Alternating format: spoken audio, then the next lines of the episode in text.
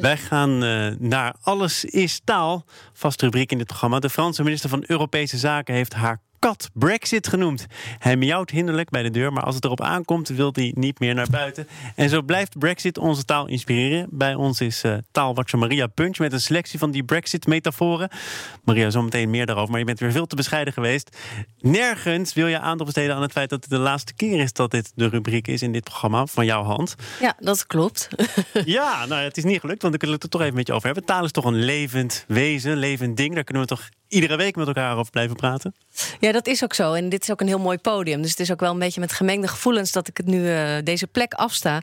Maar er zijn plannen nog echt in de kinderschoenen, of liever gezegd in de babyslofjes, voor een podcast over taal. En dan kan ik namelijk wat langer uh, over dingen doorpraten. En ja, die vijf minuten hier die zijn wel altijd heel snel op alleen maar meer Maria. Als die babyslofjes uiteindelijk kinderschoenen worden en daarna zeven mijlslaarzen. We gaan naar de Brexit, want die kunnen we ook wel snappen aan de hand van een kopje thee? Kopje thee, ja. Uh, we hebben zo langzamerhand wel wat beelden in ons hoofd... van misschien lange files bij Dover, lege schappen bij de Tesco-supermarkt. We weten het niet. Het is de eerste keer, het is nog lastig te visualiseren, die brexit. Nou, een kopje thee is, uh, ja, dat is het troostmiddel voor de Britten. Iedereen drinkt het daar uh, dwars door alle lagen van de bevolking. Daarom is deze metafoor van stand-up comedian James Acaster best wel treffend. The other day, my flatmate was making me a peppermint tea. And he said... Would you like the bag leaving in or taken out? And it's very hard because if, if you leave the bag in, then over time, the cup of tea itself as a whole will get stronger.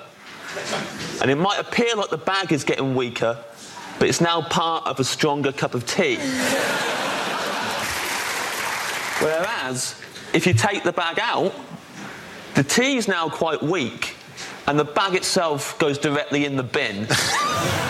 Ja, de Europese Unie als het kopje en het afgedankte theezakje, dat is uh, de UK. Alleen dat het accent is natuurlijk prachtig, nog even los van die metaforen. Maar die zijn wel belangrijk. Waarom lig je ze eruit? Is een beproefd retorisch middel. Het legt een vergelijking neer. Uh, het helpt ons het ene te snappen aan de hand van het andere. Roept ook makkelijk een beeld op. Heeft vaak een sterke visuele kracht, zoals dat kopje thee en dat theezakje.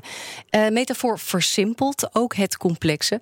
En het kan een beroep doen op onze emoties. Dus al met al een dankbaar instrument in de politiek. Ja, en de politiek bestaat niet echt in eh, Groot-Brittannië. Want iedere partij heeft zo zijn eigen opvattingen. Dus misschien ook wel zo zijn eigen metaforen. Ja, en het lastige van dat referendum, je zag het al in de campagne in de aanloop dat uh, ja, het is een ja of een nee erin of eruit.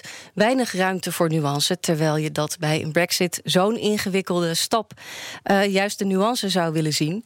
Nou ja, je zag helemaal aan de rechterkant uh, ja, termen geleend uit de, de natuurrampen, hè, de vloedgolf van immigratie. Bij de UKIP zagen we dat. Um, referenties aan het verleden, Britannia Rules the Waves. En ook uh, de factor angst werd eigenlijk door beide partijen wel als een dankbare metafoor aangegrepen. Um, uh, Jeremy Corbyn deed dat door te praten over een blindfold deal. En onze premier Rutte had daar uh, pas nog een variant op. So we are now sleepwalking into a no-deal scenario. It's absolutely unacceptable. And I think your best friends have to warn you for that.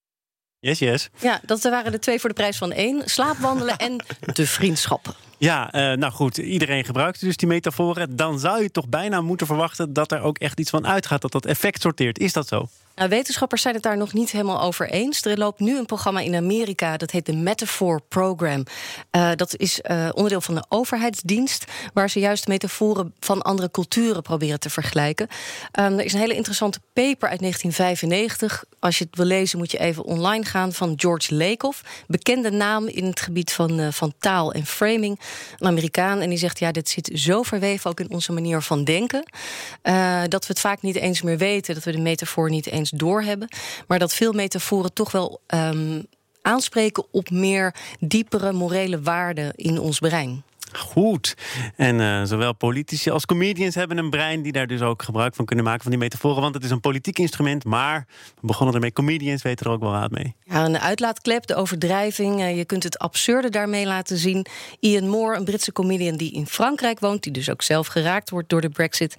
Een fragment uit 2017, toen we nog alle tijd hadden. The whole thing about the negotiations are quite worrying because they seem to have started off quite aggressively. People are saying that what we should ask for out of Brexit is to say to Europe, look, we're leaving you, but we want to stay in the single market. We're not going to contribute any money, and we don't want anything to do with immigration, which is like going to your wife and saying, look, love, I want a divorce, but I still want to have sex occasionally. Uh, I'm not going to contribute to the mortgage and keep the kids away from me. It's just, it's, it's, it's a ludicrous standpoint. It's, it, it really is.